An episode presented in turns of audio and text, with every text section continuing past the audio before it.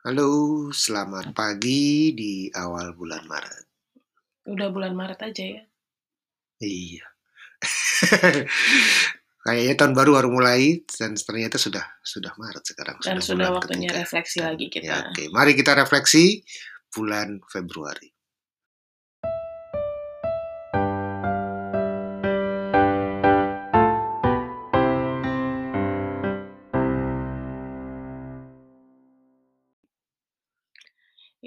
Um, bulan Februari itu, uh, kita mulai keluar dari zona nyaman ini.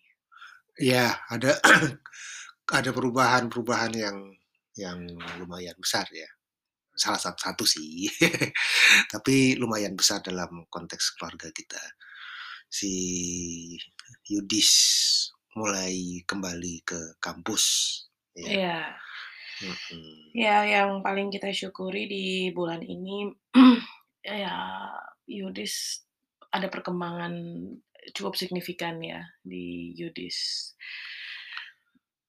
Ya, jadi di bulan Februari itu, um, sebenarnya kan memang waktunya waktu dari kita kita kalau kita, apa namanya, uh, yang bulan lalu itu kan memang salah satu ininya ke depannya adalah Yudis mulai kuliah. Jadi memang Iya. sebenarnya Februari itu memang Yudis mulai kuliah, gitu. Mhm. Cuma, uh, aku tidak menyangka waktu itu kalau dia akan beneran kuliah di Depok gitu. Gue pikir Iya. masih kuliah online aja di sini. Rencana awalnya seperti semester sebelumnya, ya karena semuanya masih online ya Yudis tetap bersama kami. Tapi ternyata hasil ngobrol-ngobrol itu kan, eee, Yudis itu memang, eee, kelihatan, apa, secara mental agak-agak agak berat kemarin itu ya, karena Ya dia tidak banyak bahagia. kegiatan banyak kegiatan di luar teman-temannya dan sebagainya, tapi dia tidak bisa ikut dan sebagainya. Terus sempat, eee, ya itu jadi bagian dinamika anak-anak muda ya, anak muda Iya. yang merasa mereka sehat, mereka Iya, tidak betul. tidak punya risiko terhadap, eee, Covid gitu ya. Dan kemudian sekarang jadi nggak bisa gitu. Ngapa-ngapain. Nggak bisa ngapa-ngapain Iya, gitu, Yudis mhm. itu harus diakui dia itu dia senang di di Semarang dalam tanda Mhm. kutip, eee, dia senang bersama kita da apa, maksudnya dia sebenarnya nggak ada masalah dengan dengan dengan kitanya bersama kita dalam arti hidup bersama kita, tapi dia bermasalah karena, eee, dia sebenarnya pengen banget berkegiatan fisik gitu bersama teman-temannya yang memang sudah mulai berkegiatan.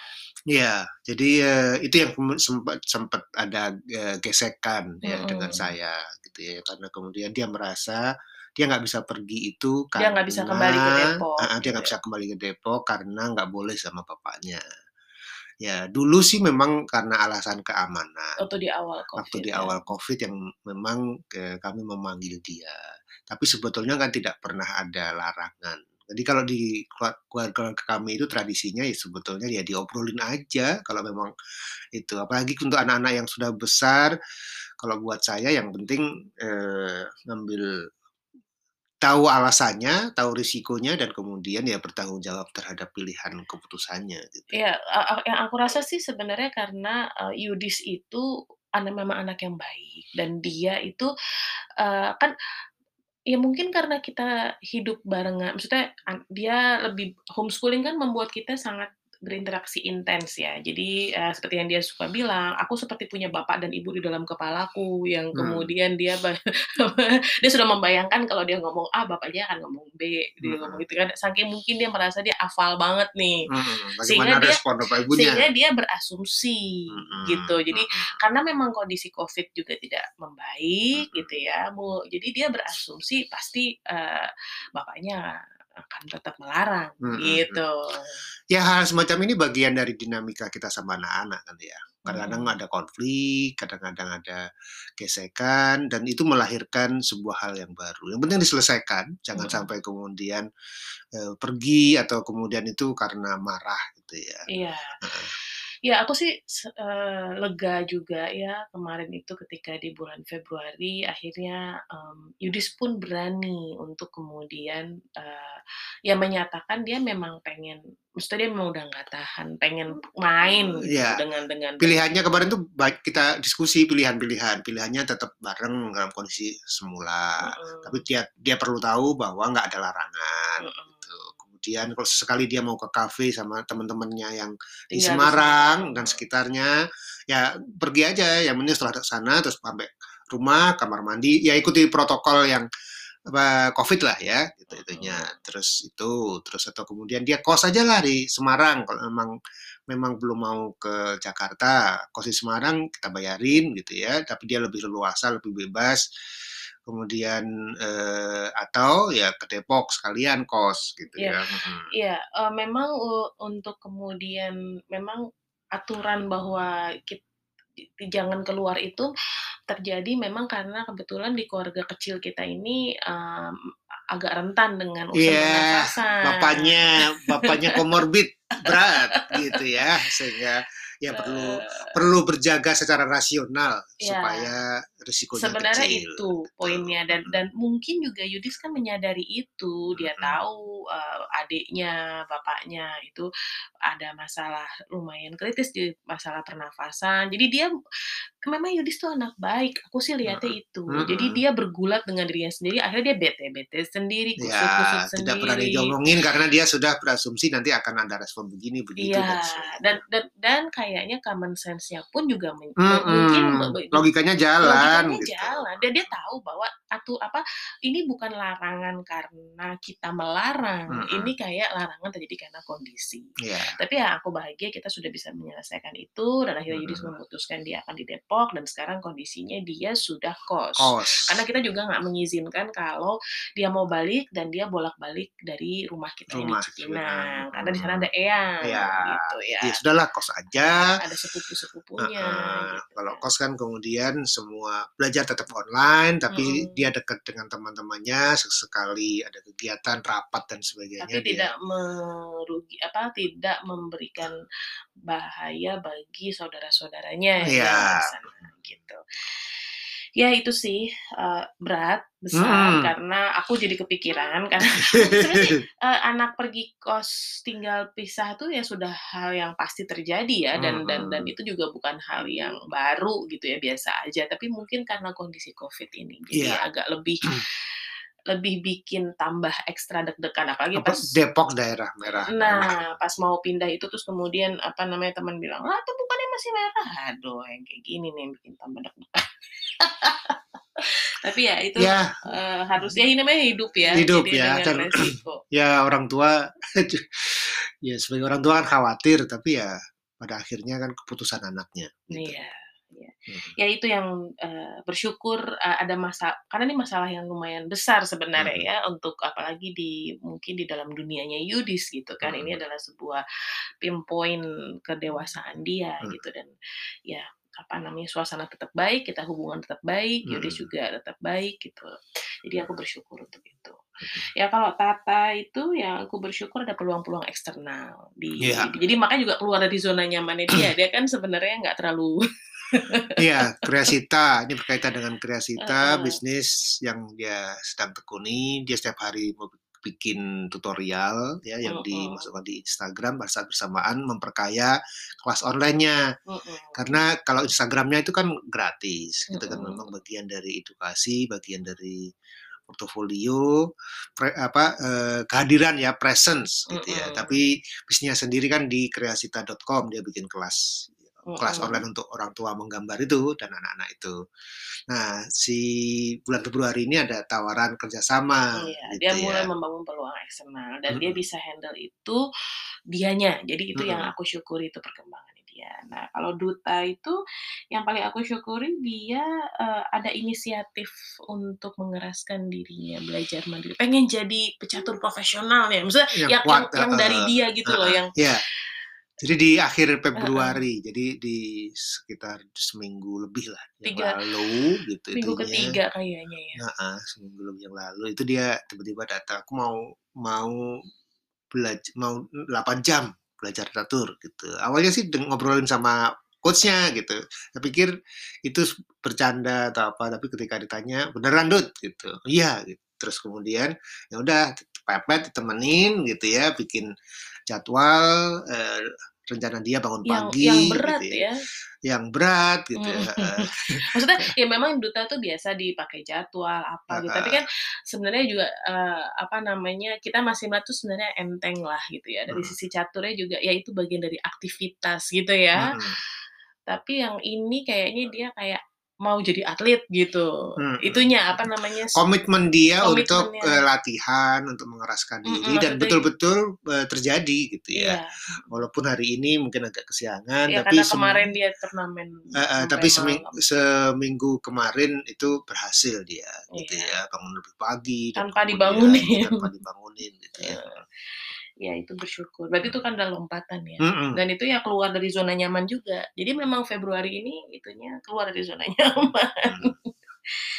Yang istimewa tadi ya, eee, itu yang syukuri kalau yang istimewa ya tentu saja Yudis, eee, apa, sudah kos sendiri di Depok dan dia juga bilang, eee, "Pokoknya uangnya dicukup-cukupin aja," Mhm. katanya, "nggak nggak kita nggak perlu mengeluarkan ekstra dari Iya, kita sudah allowance-nya," tetapkan mhm. budgetnya berapa dan ya sudah dia hidup dengan itu gitu ya, Mhm, dan itu ya baguslah gitu ya. Mhm.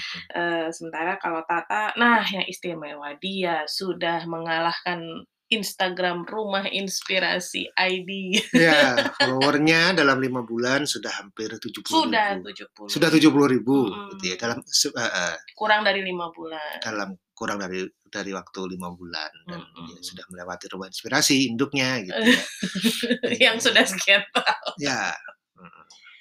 Iya, dan, mmm, yang istimewa adalah dia ada kerjasama tadi, eee, Mhm. ada dengan dengan ada ada orang yang kemudian, eee, mengajukan kerjasama buat Tata, eee, bikin produk, apa tuh di luar itu dan dia urusan sendiri gitu ya, biasanya kan dia suka ini dan terus yang kedua yang spesial dia diminta bikin, eee, kerjasama bikin buku, buku activity bersama Ganara Mhm. gitu. Terus juga ada liputan, dia diliput sama Iya. koran. Mhm. Wawancaranya sudah, tinggal menunggu, eee, tampil di medianya, itunya, Mhm. diterbitkannya. Iya, dan yang yang istimewa karena, eee, sebagian besar itu dia handle, eee, sendiri kan prosesnya Mhm, gitu. Ya itu kan belajar ya terus kan konsultasi, nanya, tapi ya semuanya dia handle sendiri Kita gitu suka ya. tanya, "Ya menurutmu gimana, Ta?" Kan Mhm gitu. Gitu. Kalau Duta yang istimewa dia menang turnamen Malaysia U15 Dan sama U17, ya. U17. Nah, Jadi Duta itu umurnya 12 tahun. mhm. Mhm. Jadi Februari ini buat Duta, eee, lumayan konsisten gitu ya. Salah satu isu kalau atlet itu kan bertumbuh dan konsisten gitu ya. Nah, bertumbuhnya itu sebetulnya sudah sudah bagus dalam artian dia mulai sering mengalahkan pemain-pemain kuat gitu ya, title player dan sebagainya, tapi naik turun gitu ya. Bisa mengalahkan GM, tapi juga bisa dikalahkan pemain-pemain seusianya. Nah, Iya. di Februari kemarin itu cukup konsisten ya, dia main di level yang lebih atas, usia Mhm. lebih atas, dan, eee, dalam sebuah turnamen itu kemudian dia berhasil menang gitu ya. Jadi ada di U15 itu, eee, ada arena, dan kemudian ada eee, ada arena, dia berhasil juara 2 ya, turnamen internasional yang diadakan Malaysia. Terus di U17 itu ada arena dan Swiss, eee, 1 juara 2, 1 juara 3. Jadi ini sebuah hal yang besar buat Duta ya, pencapaian yang besar karena ya lawan pemain-pemain di atasnya gitu, mhm. Iya, eee, dan dia melihat bahwa latihan stabil itu juga memang berpengaruh sama kestabilan dia, maksudnya ada ada Iya. hubungan antara, eee, kerja keras kerja dia keras gitu dia, maksudnya. kesungguhan dia untuk kemudian belajar lebih lebih banyak latihan gitu ya. Jadi mem jadi jadi misalnya dia, eee, yang disyukuri kan dia akhirnya kan kadang-kadang gini loh, anak bekerja keras tapi kan belum kelihatan, kan gitu, Hasilnya, itu kan akan bikin apa capek. dampaknya Iya, gitu. maksudnya gitu. Udah capek-capek mainnya tetep aja kalah, Maksudnya gitu. gitu Yang ya. yang bersyukur kan adalah ketika kemudian itu, eee, ada ada hasilnya. Jadi buat dia itu kayak kayak dapet bait ya. Iya, maksudnya heeh. untuk kemudian tuh kan kalau kamu rajin gitu Heeh. tanpa harus dibilangin gitu maksudnya Iya. gitu. Dia sudah melihat dengan prestasi itu Mhm. itu kan yang paling enak kan sebenarnya dalam proses pendidikan anak seperti itu. Ketika kemudian nggak harus kita yang eee, apa ya, kayak mem me M mengim memotivasi, heeh, mengiming-imingi, betul, ya. maksudnya gitu. Jadi Ketika proses ini bagian dari pertumbuhan, eee, motivasi intrinsiknya dia Maksudnya gitu gitu, ya, itu bertumbuh banget di Heeh. bulan Februari gitu. Jadi komitmen personalnya duta gitu ya, kemampuan dia menguatkan diri, bangun, terus kemudian dia, eee, melakukan HIIT training, eee, habis itu baru dia ya masuk ke catur gitu kan. Itu, eee, terbangun, natural kalau Hmm. menurutku gitu loh, antara dari dia juga dapat berkah, eee eee, dari luar sehingga Mhm. sehingga kayak apa ya, bersambut gitu. Mhm. Itu kan lumayan banget Mhm, bonus gitu iya. loh maksudnya, gitu. Ya kalau si Yudis ya pasti ke yang bertumbuh kemandiriannya lah ya, kita nggak usah bener-bener udah nggak ngurusin Yudis. Iya, ini momen besar sih kalau buat buat kami, buat aku merasa, apa perbedaannya dengan waktu melepas dulu. Ada waktu ta tahun lalu waktu dia kuliah itu kan dia masih tinggal bersama, Masih tinggal ada di Cipinang, tinggal di Cipinang ada gitu ya. ada Mhm. omnya, paling nggak kita ada bisa titip-titip lah Iya, makannya, apanya, mhm, terus kemudian yang gitu. pindah kami, kami malah justru keluar dari rumah Cipinang, Heeh. keluar kota, dan, eee, kalau sekarang kan betul-betul ya sudah dilepas, ya dia apa, berla mulai berlayar lah gitu ya, menjadi orang dewasa yang kami tahu bahwa ketika sudah dilepas seperti ini, ya memang sudah selesai sih sebetulnya orang tua. Jadi Iya. betul-betul ya dia me berinteraksi dengan sekitarnya, dengan pengalaman dirinya untuk membentuk dirinya sendiri gitu. Iya, eee, adik-adiknya kayak, "Yudis mandi nggak?" Gitu. "Yudis makan nggak?" Iya tapi, eee, ya ya ini hal besar sih, eee, apalagi kan kalau kita praktisi homeschool di mana mungkin durasi bersamanya banyak ya, jadi kayak ada yang bek ilang beneran gitu loh, apa, Mhm. rasa rasanya tuh memang Iya. big chunk gitu ya. Ya kalau Tata yang bertumbuh ya skill komunikasi terhadap pihak luar. Ya Tata itu agak pemalu gitu Mhm. ya sebetulnya.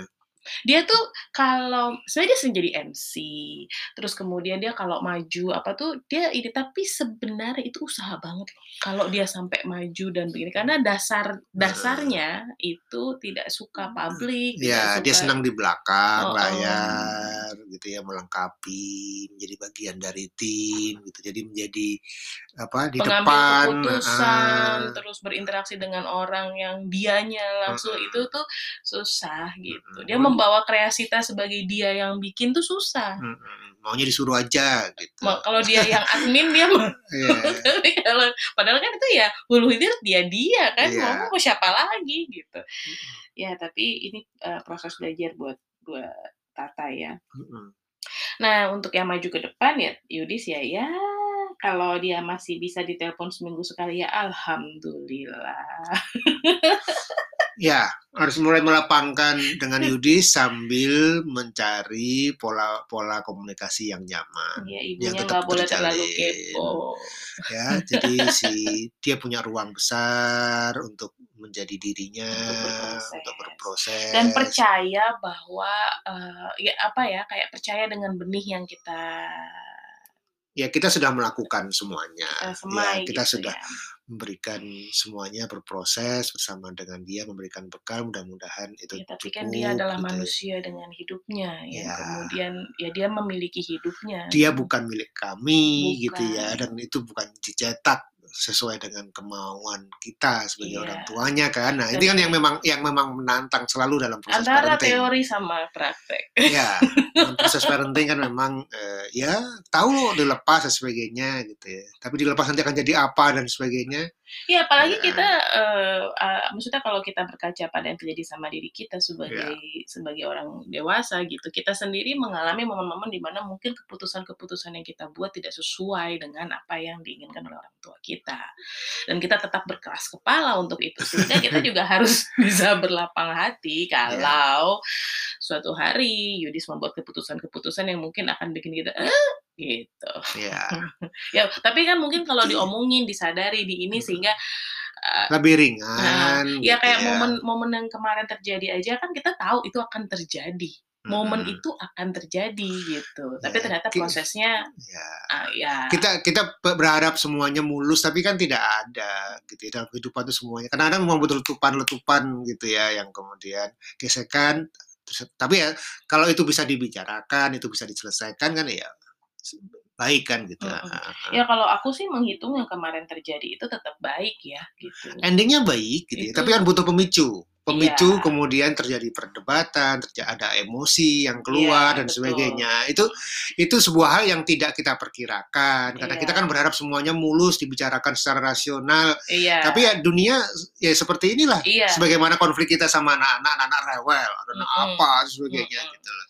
Iya, Iya. maksudku ending-nya baik dari Iya. sebuah apa, percakapan yang kemudian tidak terbayangkan sebelumnya gitu. Mhm. Dia sedih, dia Mhm. ini gitu ya. Kemudian kita juga jadi sedih gitu kan. Tapi ya untungnya, mmm, bisa. Karena bisa juga ending-nya tidak baik maksudku. Oh iya, Gitu loh maksudku. Makanya kenapa aku bilang tetap aku bersyukur karena, eee, apa namanya, percakapan yang tidak enak itu bisa berending tidak enak. Iya, Bisa karena kemudian kalau dia kemudian pergi dia kan tersinggung gitu ya, marah tersinggung, gitu. dia Kita tersinggung marah, kita juga. tersinggung, terus kemudian dia merasa diusir gitu ya, Mhm. atau kemudian kita merasa anaknya memberontak gitu, itu kan akan membuat konflik ya. Nah, itu maksudku, Ya, kan gitu. pertanyaannya kan kemudian ya terus ini mau digimanakan kan gitu ya. Alhamdulillah sih kemarin berhasil mulus Nah itu, ya jadi consider gitu. mulusnya itu in term of adanya, eee, apa namanya, kejadian di mana dia merasa, "Aku sudah sangat ingin ini," gitu Iya, kan. Nah itu itu yang kemudian, eee, oh untung untung loh kemarin tuh, eee, kita bisa ini aku juga sebenar aku sendiri nggak yakin dengan diriku sendiri sih kemarin itu. Karena aku juga kesel banget gitu, ya ampun nih anak nggak tahu apa gitu nih lagi Covid gitu. Tapi ya ya itu tadi kan setiap dari kita membawakan mempunyai kelemahan masing-masing gitu. Yang ya, eee, di dalam proses parenting dan apa namanya, membersamai anak-anak memang apa ya, kita bertumbuh ya pada akhirnya. Iya, semuanya sebagaimana Maksudnya hidup bukan ya. cuma anak yang bertumbuh maksudnya di dalam Iya. kita aja. Tid Aku tidak ada sebuah kondisi ideal, tidak ada sebuah keputusan yang yang gimana gitu ya. Jadi ya kita bergerak dari satu keputusan ke keputusan lain gitu ya, dari satu kondisi ke kondisi lain. Bagaimana Iya. membuatnya menjadi lebih baik, lebih mulus gitu Iya, ya. aku kan sempat bertanya sama Tata, "Ta, menurut Tata gimana ya ini sama Kak Yudis ya?" Gitu. Terus ya Tata ta Tata bilang, eee, "Aku rasa Kak Yudis bener, tapi aku juga rasa Ibu juga bener, tapi masing-masing nggak ketemu aja," kata Tata gitu. Terus "Terus gimana Ta, menurut kamu?" Gitu ya. "Ya kalau Ibu merasa bener, Kak Yudis merasa bener, ya pasti nggak ketemu. Tapi kalau Kak Ibu bisa lihat benernya Kak Yudis, Kak Yudis bisa lihat benernya Ibu, eee, nanti ya ketemu," kata Tata. "Terus kalau misalnya kita nggak mau ketemu gimana Ta?" "Ya bubar lah," kata Tata. "Kalau terus gimana caranya biar kita ketemu?" "Ya ketemu aja lah,". Iya, me merendahkan keegoan ya masing-masing, kemudian membawanya ke dalam diskusi yang rasional, yang lebih dingin, itu yang memang akan selalu menantang. Proses-proses komunikasi yang yang lebih mulus ya. Iya. Karena, eee, banyak sekali problem dengan remaja, problem dengan anak-anak kita itu kan karena kita tidak tidak terampil mengenali concern kita gitu ya, kita tidak terampil mengungkapkannya dengan cara yang enak kepada orang lain gitu ya. Mhm.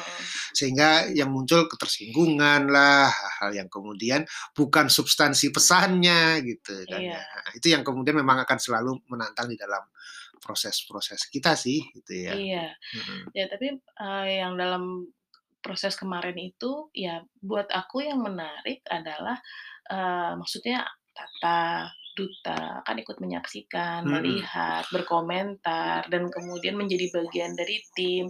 Dan aku Mhm. rasa menjadi bagian yang, eee, menguatkan proses gitu loh. Iya. Maksudnya, Jadi waktu diskusi itu bukan ngobrol cuma sama Yudis, tapi ada kan kan Tata kita dan memang ada Duta gitu ya, kan, kita memang keruntelan, terus kemud dan dan aku bersyukur banget dengan budaya keruntelan ini karena berarti lutepan itu hanya sehar hanya di hari itu gitu, Mhm. tidak tidak sampai berhari-hari gitu loh, hanya di Itu aja hari udah nggak enak itu rasanya. aja udah nggak enak rasanya. Jadi Heeh. lutupannya pagi, terus malamnya kita keruntelan gitu, Mhm. dan itu selesai Mhm. gitu. Itu it itu sangat bersyukur Iya. gitu, apa iya, itu bersyukur banget gitu maksudnya, karena ya apa apa mungkin kita juga nggak terbiasa letupan, jadi segitu aja udah lebay. Iya, ya tapi ya Iya. Iya. Memang mem memang begitulah kehidupan ya, teman-teman sekalian ya. Jadi Mhm. ya, nggak ada tuh yang mulus-mulus gitu ya. Mhm. Kita aja juga kan nggak mulus, kan selalu berusaha untuk kemudian membuatnya jadi mulus gitu ya, workout gitu ya. Berusaha untuk kemudian Karena menjadikannya kalau baik buat gitu ya. aku, eee, poinnya adalah ada di intention yang tidak boleh, eee, diragukan. Mhm. Sebagaimana aku melihat Tata itu, eee, bijaksananya adalah dia melihat intention gitu.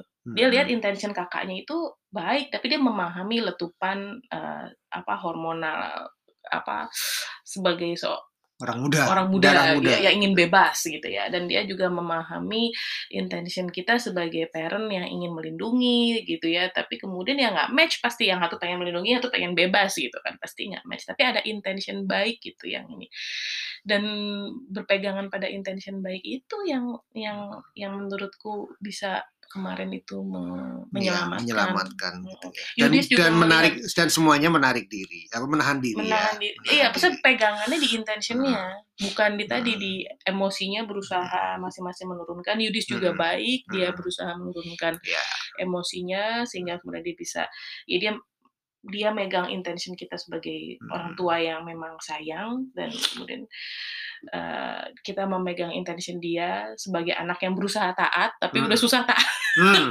Udah Udah nggak tahan. udah nggak tahan, Sudah. udah sangat ingin berjumpa Iya, gitu. ubun-ubun itunya. Iya. Banyak hal yang harus dilakukan, banyak kesempatan gitu ya. Iya. Masa emasnya dia bisa hilang gitu ya. Masa ketemu apa, Iya. cewek-cewek cantik yang menjadi Masa main, masa organisasi, masa kesempatan-kesempatan yang Iya. eh, sungguh Dan memang itu yang dia cari-cari dari memang suka perkuliahan. berorganisasi Iya. gitu. Ya, itu kan yang dia cari dari kuliah gitu. Masa keburu lulus terus dia nggak Iya. berorganisasi, yang Terus bener aja. Kan bukan sarjananya, bukan Bukan. bukan nah, itu gitu. Dan itu intensi itu yang bisa kita pahami juga Mhm, dari iya. dia. Jadi teman-teman kalau misalnya kenapa curhat sekarang kita agak lama, karena memang di bulan Februari ini adalah bulan yang besar buat keluarga kami. Bulan keluarga kami keluar dari zona nyaman dan salah satunya adalah ya Yudis tadi itu gitu. Sebuah hal yang pasti terjadi yang kita juga tahu soon or later itu akan terjadi. Cuma tetap begitu kejadian ternyata Iya. tetap aja bikin deg-degan gitu. Semoga hari-hari teman-teman juga berjalan dengan baik, dimudahkan prosesnya. Masa pandemi ini memang bukan masa yang mudah gitu Mhm. ya, eee, buat banyak orang Dan juga sudah lama. dan ini sudah Problemnya kan memang stamina karena ini sudah sudah Iya, lama mungkin kalau banget cuma gitu. setahun Yudis bisa tahan lah. Tapi begitu Iya. dia lihat kayaknya ini lebih dari setahun dan dia Heeh. tidak mau seperti ini terus, dia Heeh. mulai ada rasa nggak Iya. tahan gitu. Aku rasa orang tua juga banyak yang sudah mulai banyak Iya. yang tidak Ya tahan. kalau kita keluar, aku keluar ke jalan gitu ya, sore gitu kemarin sore itu kan ya semua orang udah saya sama aja tuh. Iya. Restoran sudah penuh gitu kegiatan-kegiatan. Ya Kalau cuma orang tua nggak tahan. doktermu melarang ya. Harus boleh vaksin dulu nih biar tenang. Heeh. Tapi boleh nggak Mas Ar? Kenapa? Termasuk yang boleh nggak? Vaksin? Ya boleh lah harusnya. Nggak tahu sih. Ya, harus vaksin sih. Supaya lebih tenang. Iya, paling nggak, eee, ya itu bisa menenangkan hati ya. Ya menambah ketenangan. Iya Menambah. kan namanya nasib kan yang penting ada usaha. Kalau Iya. usahanya sudah maksimal tetap ada peristiwa ya sudah lah kan. Iya, Gimana? bagian dari ikhtiar. Iya.